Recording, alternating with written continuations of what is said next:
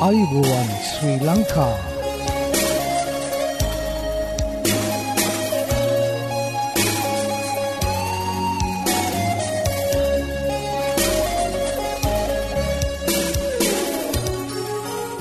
ඔබට සුපදවස මේ Adventist World radio බලාපොරොත්වය හඬ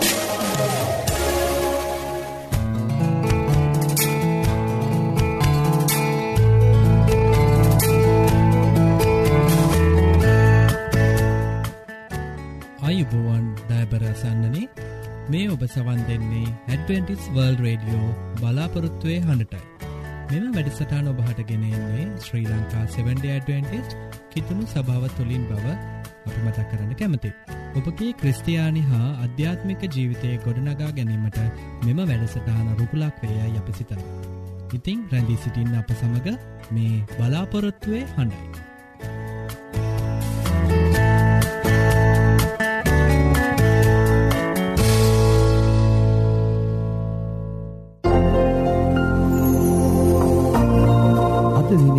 බයිබල් පාටය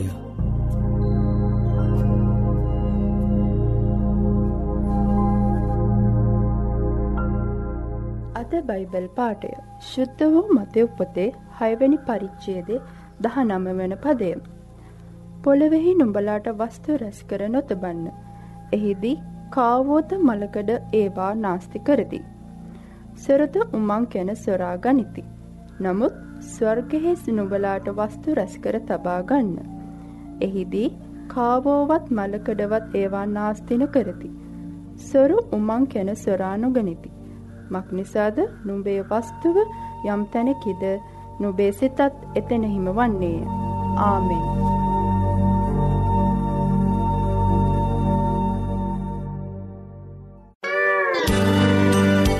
ආයුබෝවන් මේ ඇඩවෙන්ටිස් වර්ල් රේඩියෝ බලාපොරොත්වය හඬ.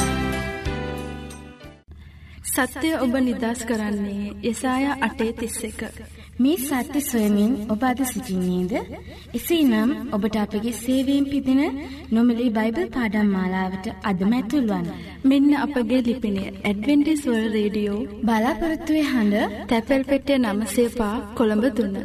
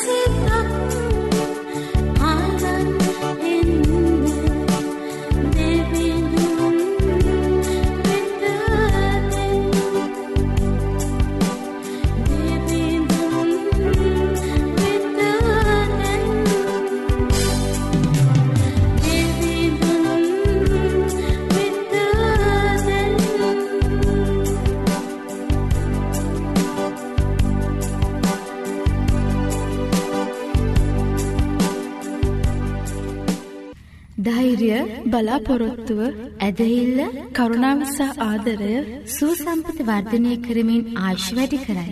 මේ අත්හදා බැලිමිට ඔබ සූදානන්ද එසේනම් එක්තුවන්න ඔබත් ඔබගේ මිතුරන් සමගින් සුවසතර පියමත් සෞඛ්‍ය පාඩම් මාලාවට.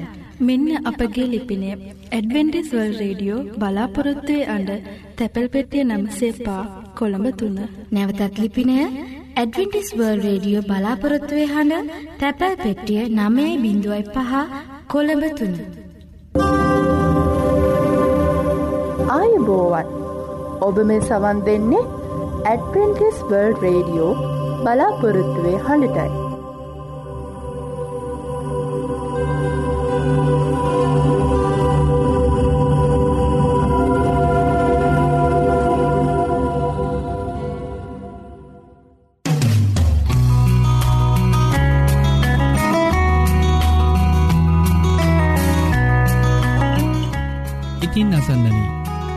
ස්තුතිවන්ත වෙනවා. අපගේ මෙම වැඩසටාන් සමඟ එක්වී සිටීම ගැන.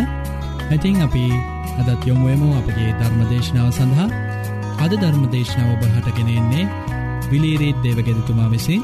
ඉතින් ඔහුගෙනන ඒ දේවවාක්‍යයට අපි දැන් යොමු රැඳදි සිටින්න මේ බලාපොරොත්තුවය හඬ.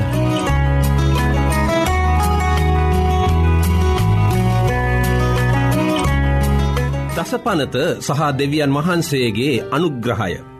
අසන්නෙන එයයි අද ඔබට ඉදිරිපත් කරන දේශනාවේ මාතෘකාව.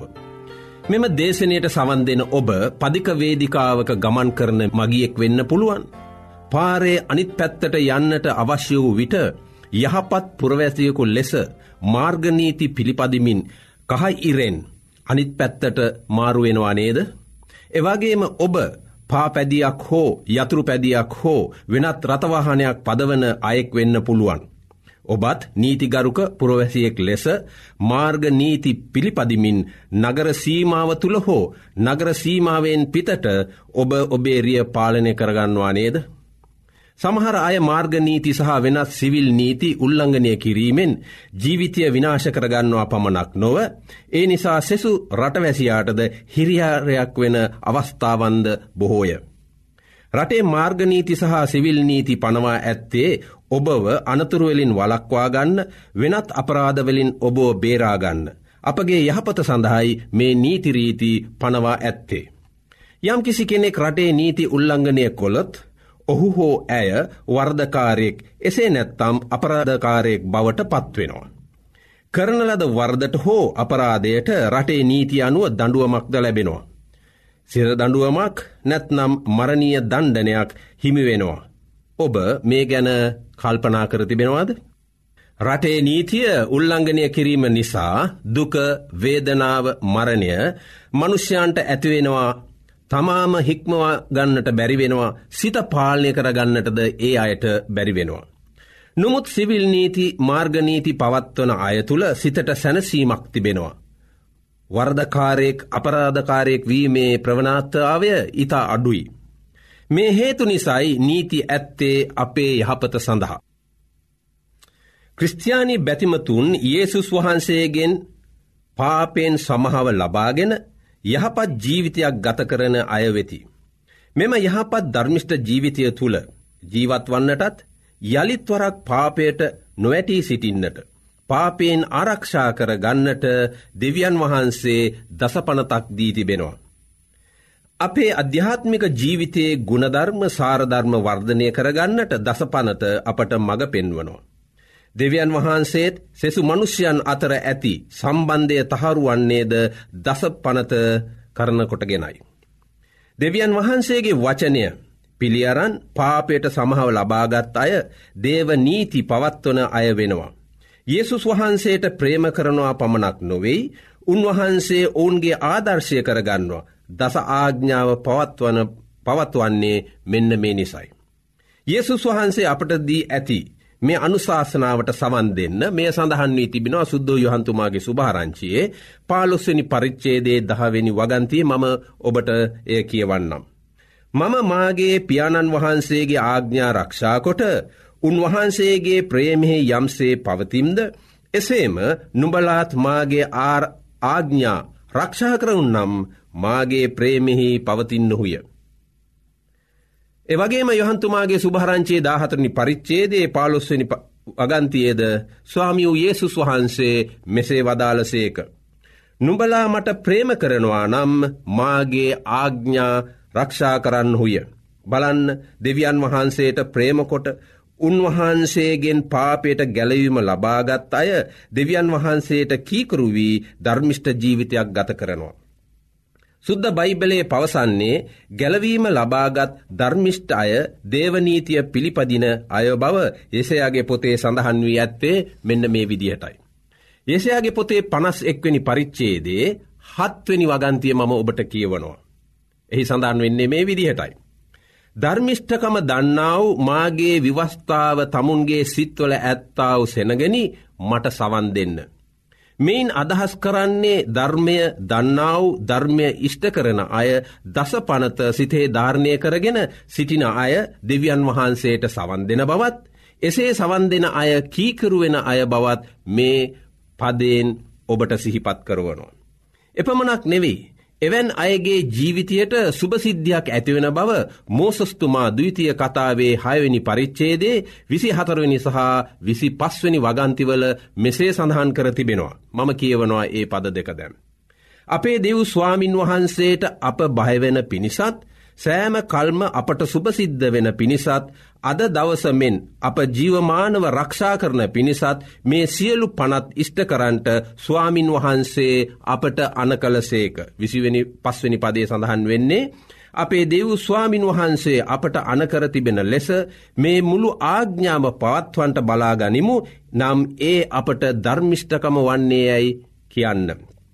දැහැමියා ධර්මය රකි එපමණක්ද නොව ධර්මය දැහැමියා රකි.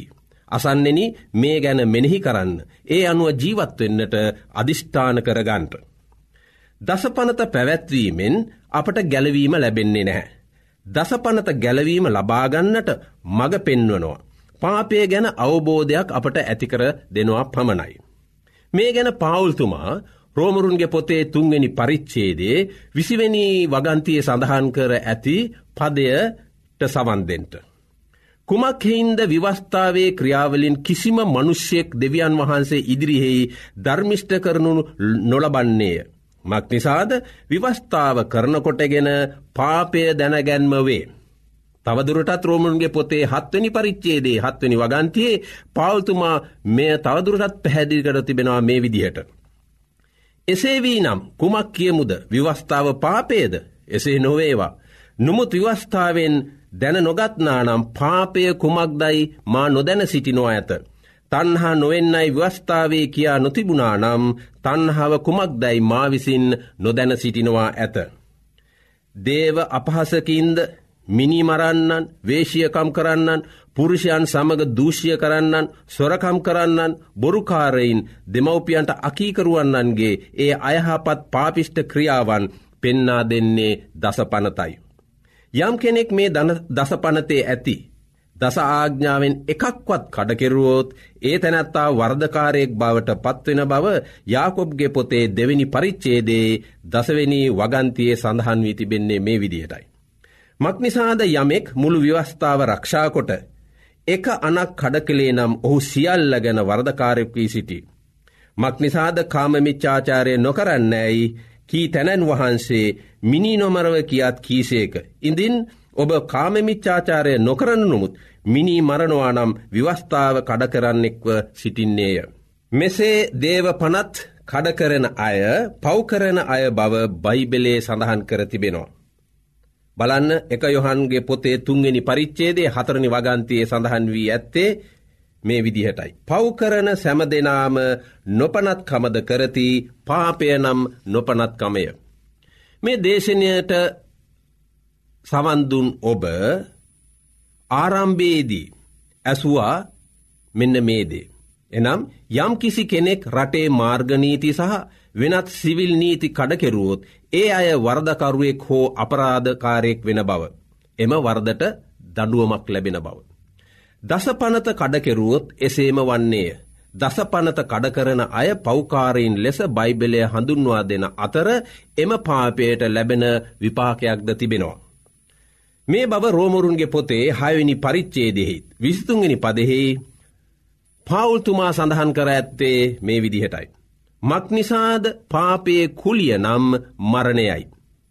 පාප අකුසල් නිසා දුක වේදනාව සහ මරණය මනුෂ්‍යයාට අත්වෙනවා. අද ඒඩ් සමාජරෝග ළමාසා ස්ත්‍රී දූෂණ සොරකම් මැරකම් වස්තු තන්හාාව නිසා බොහෝ අය ජීවිත කාලකරණි කරගන්න ඇත්තේ දසපනත සහ දේව ප්‍රතිපත්ති කඩකරන නිසයි.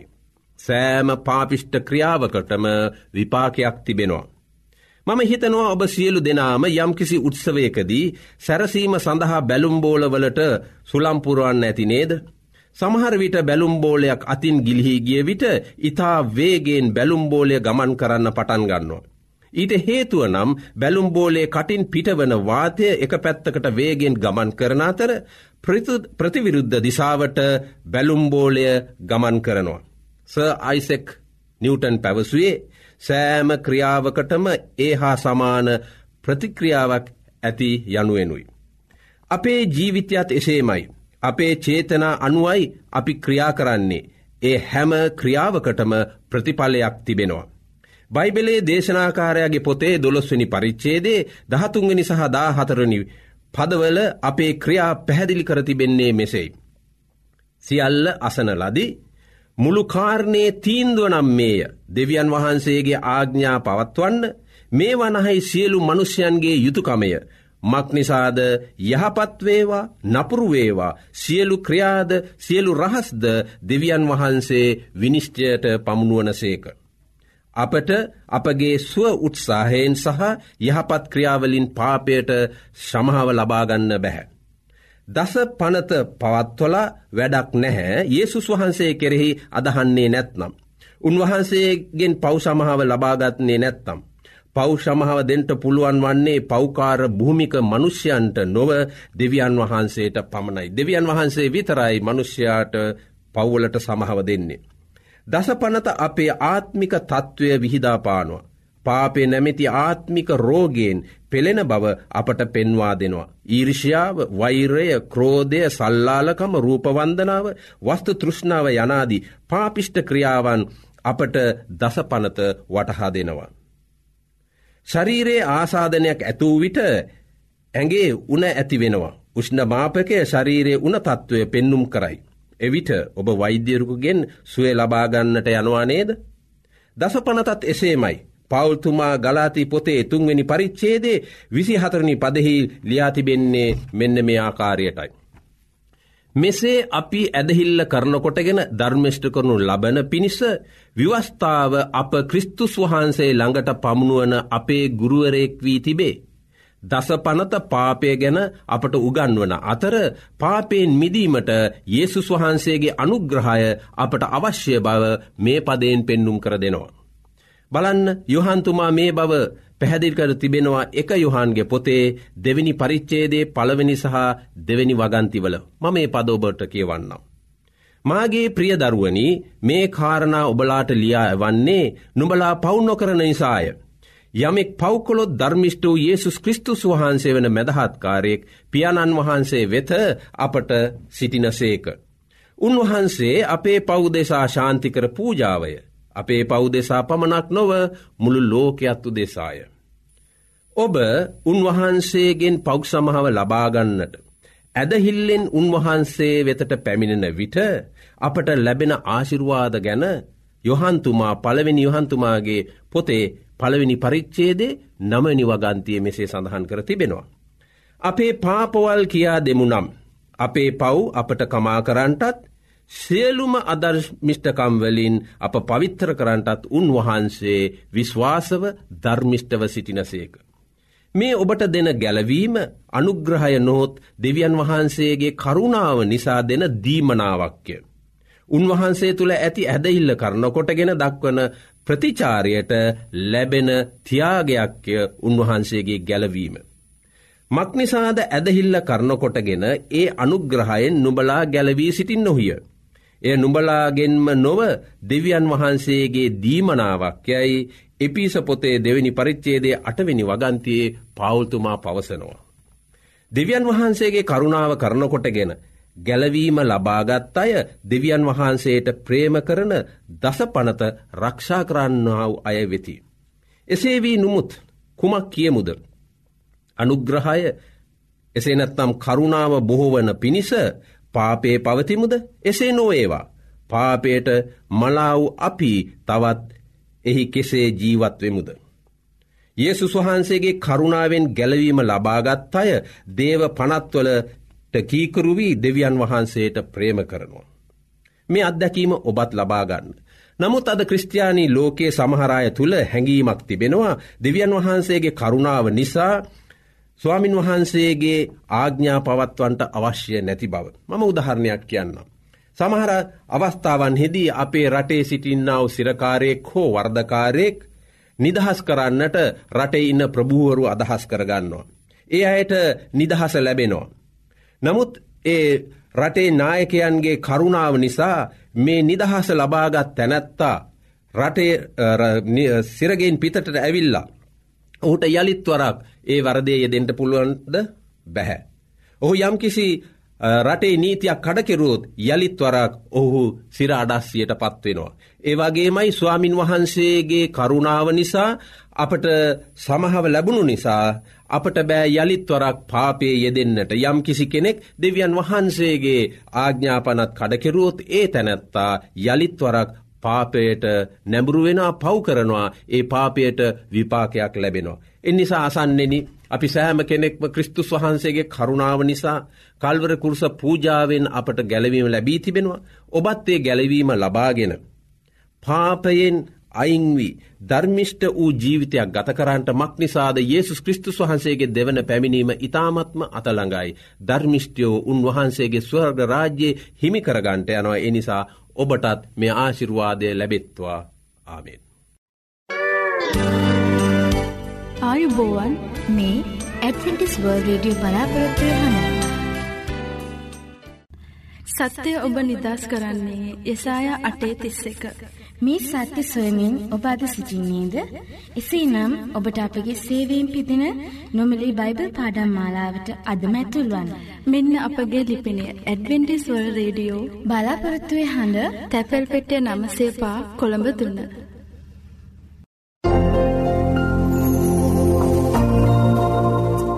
අපේ මෙ වැඩසටාන තුළින් ඔබලාට නොමිලේ ලබාගත හැකි බයිබල් පාඩම් හා සෞඛ්‍ය පාඩම් තිබෙනවා.